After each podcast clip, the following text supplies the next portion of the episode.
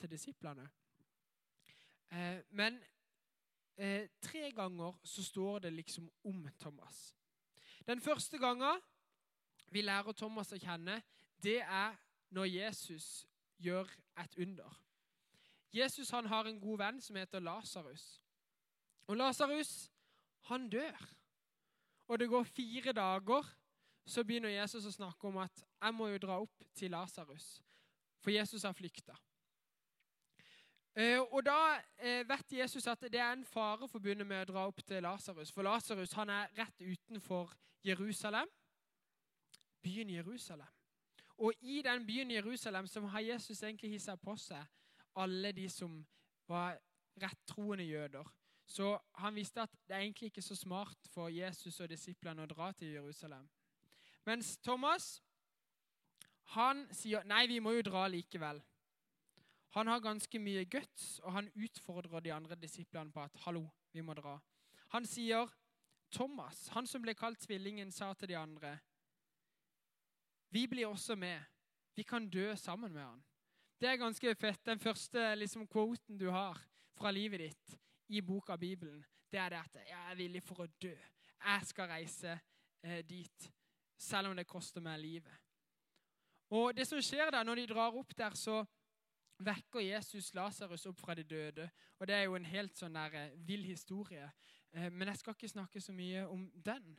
Men det vi ser her for første gang med Thomas, at han har liksom en sånn der overgivelse til Jesus. Han ønsker å følge Jesus og være med Jesus der han går. Han er villig til å gå hele veien. Eh, og det viser at allerede der så har Thomas blitt godt kjent med Jesus. Og Jesus har hatt eh, stor impact på han.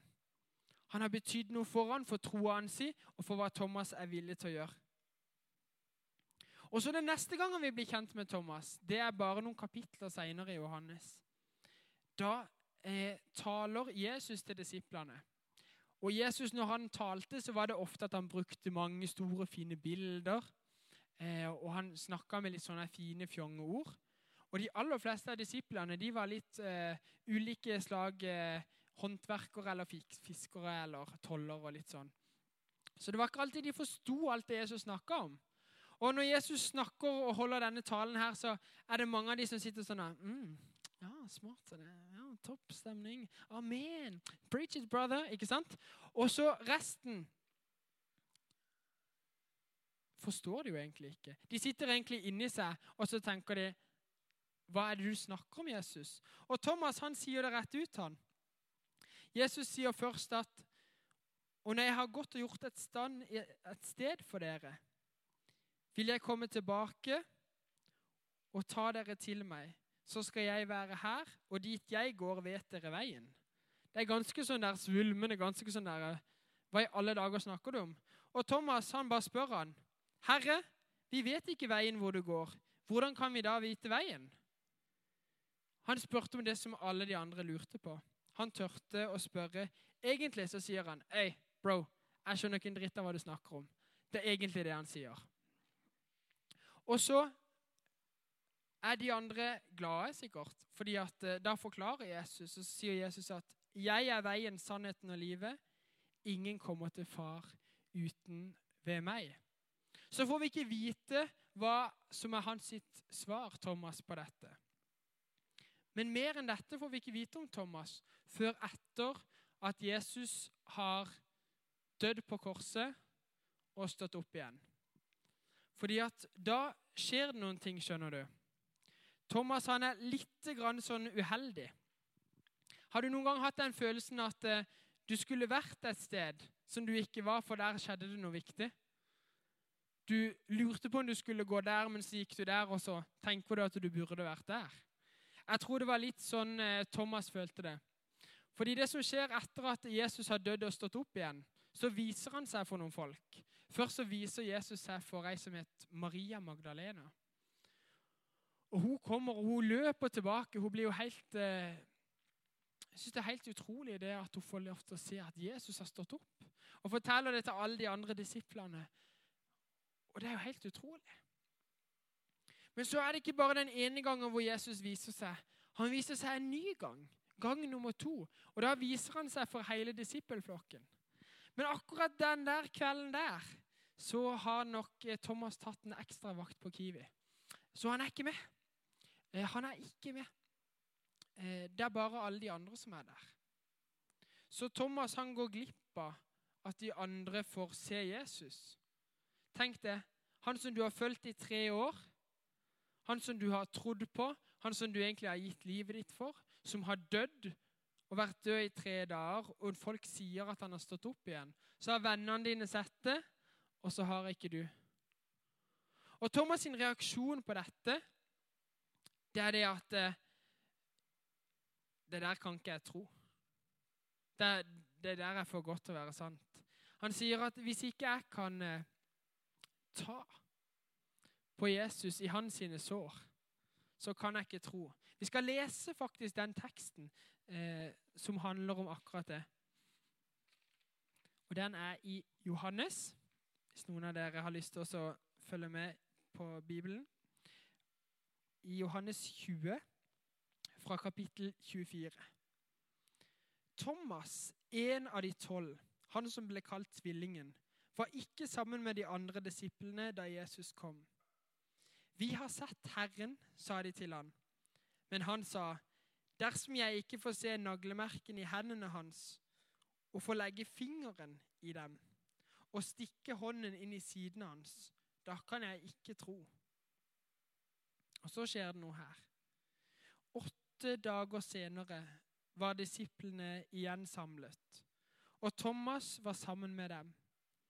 Da kom Jesus. Altså Nå kommer Jesus og viser seg for tredje gang her mens dørene var lukket. Han sto midt iblant dem og sa, 'Fred være med dere.' Så sier han til Thomas, 'Kom med fingeren din. Se her er hendene mine. Kom med hånden din og stikk den i siden min. Og vær ikke vantro, men troende. Min Herre og min Gud, sa Thomas. Jesus sier til han, fordi du har sett meg, tror du. Salige er de som ikke ser, men som likevel tror. Her hører vi at det gikk åtte dager fra de andre disiplene så Jesus, til Thomas ser det. Åtte dager, det er mer enn en uke. Hva tror dere han tenkte på den tida der? Åtte dager. Jeg tror at eh, det var åtte dager med litt sånn frustrasjon og tvil. Kanskje han tenkte 'Hvorfor fikk de andre se Jesus og ikke meg?' Eller kanskje han tenkte 'Er det bare noe de har funnet på?' Dette, dette er for godt til å være sant. Jeg kan ikke tro det. Eller var det sånn at de andre disiplene var bedre enn han? Folkens, Noen ganger så blir vi så opptatt eh, av andres historier med Gud. Vi hører hva de forteller. Store bønnesvar, mirakler, ting Gud har gjort i sitt liv. Noe de har erfart når de har vært på et møte. Eller liksom de har sånn sterk og god tro. Og så føler vi at vår tro ikke er den samme. Vi sammenligner alle de sine flotte, store opplevelser med det som egentlig føles som et kjedelig kristenliv, eller som et dødt kristenliv. Jeg lurer på om Thomas sa det der med naglemerkene og fingrene inni der.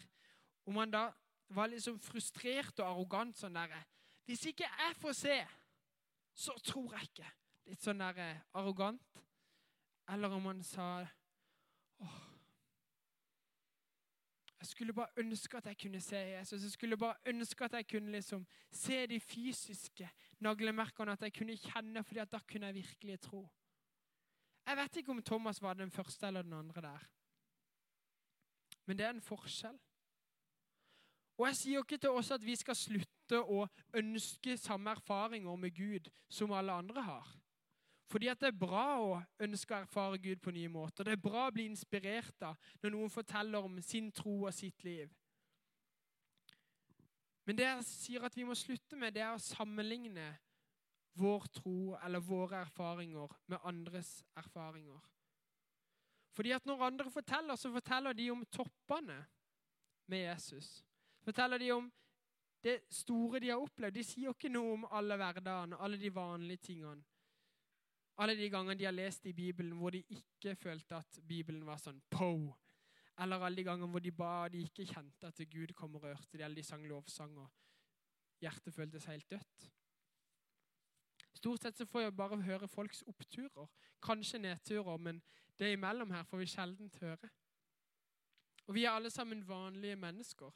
Og Thomas han var ganske vanlig.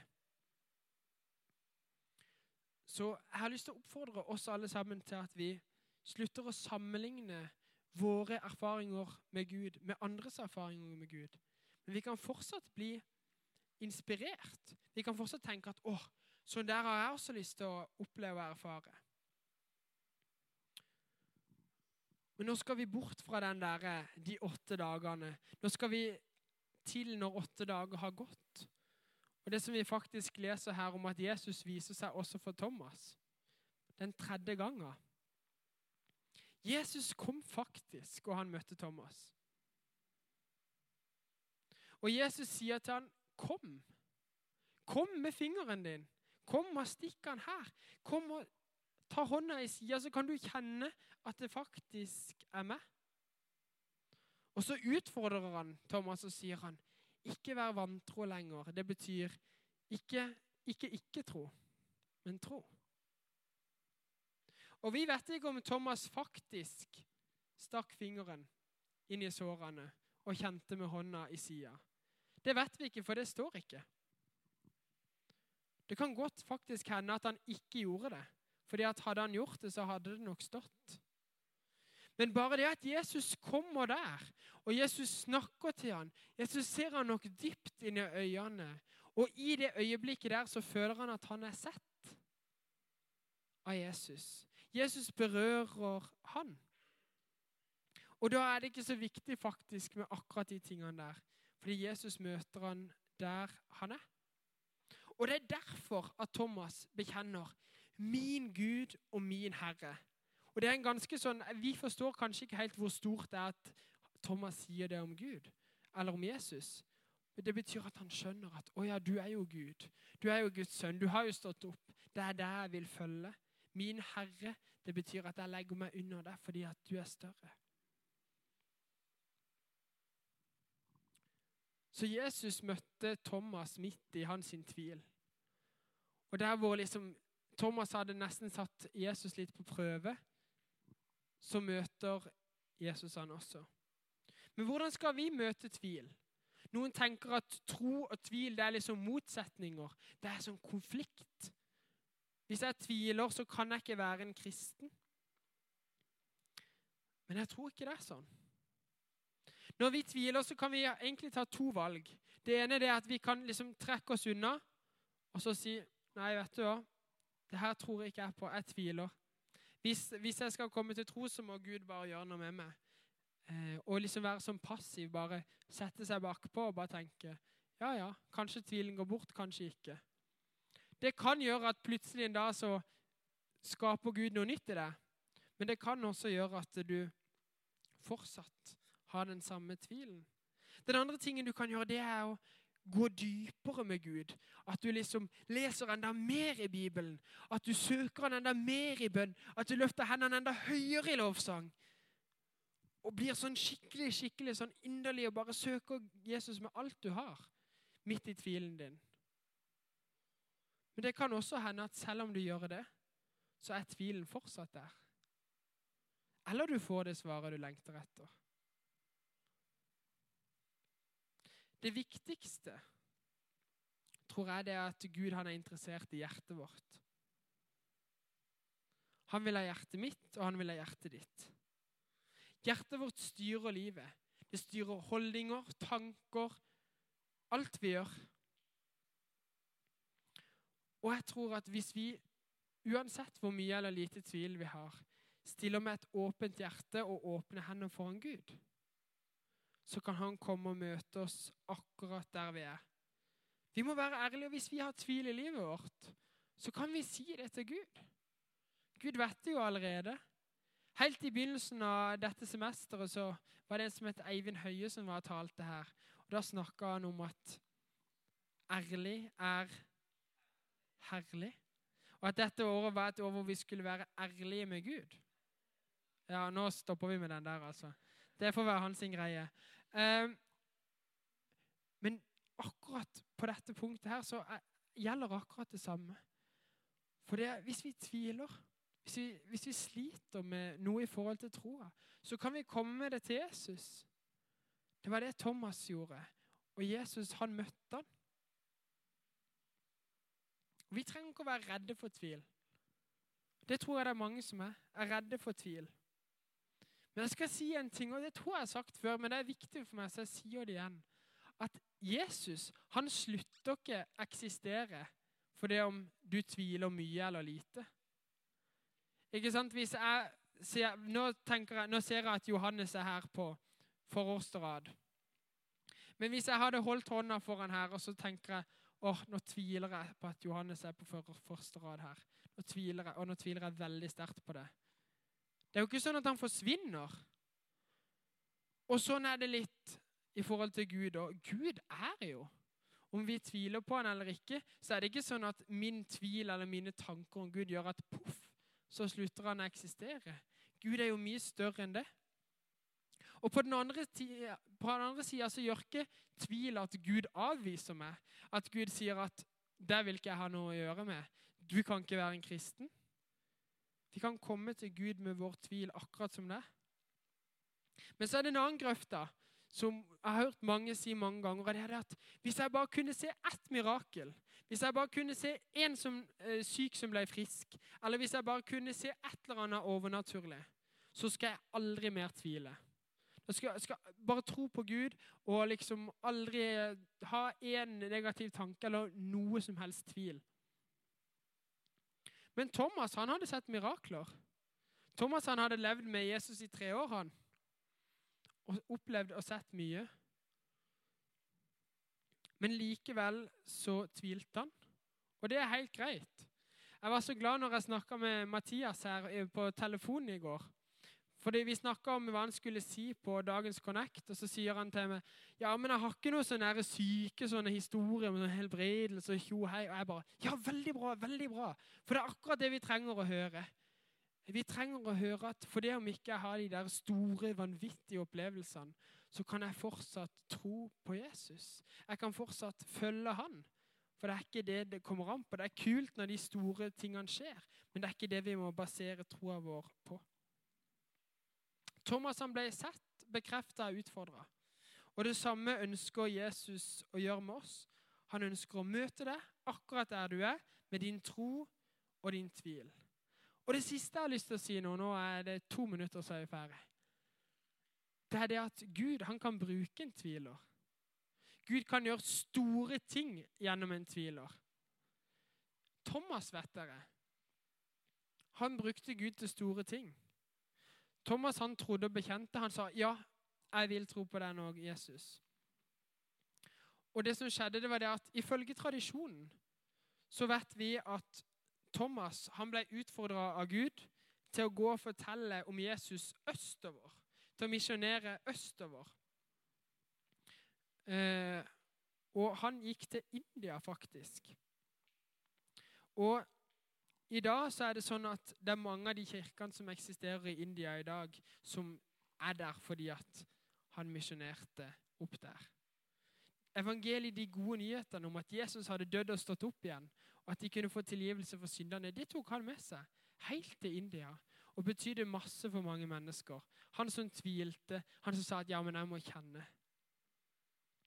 Rasjonelle, fornuftige, normale Thomas, han kunne Gud bruker.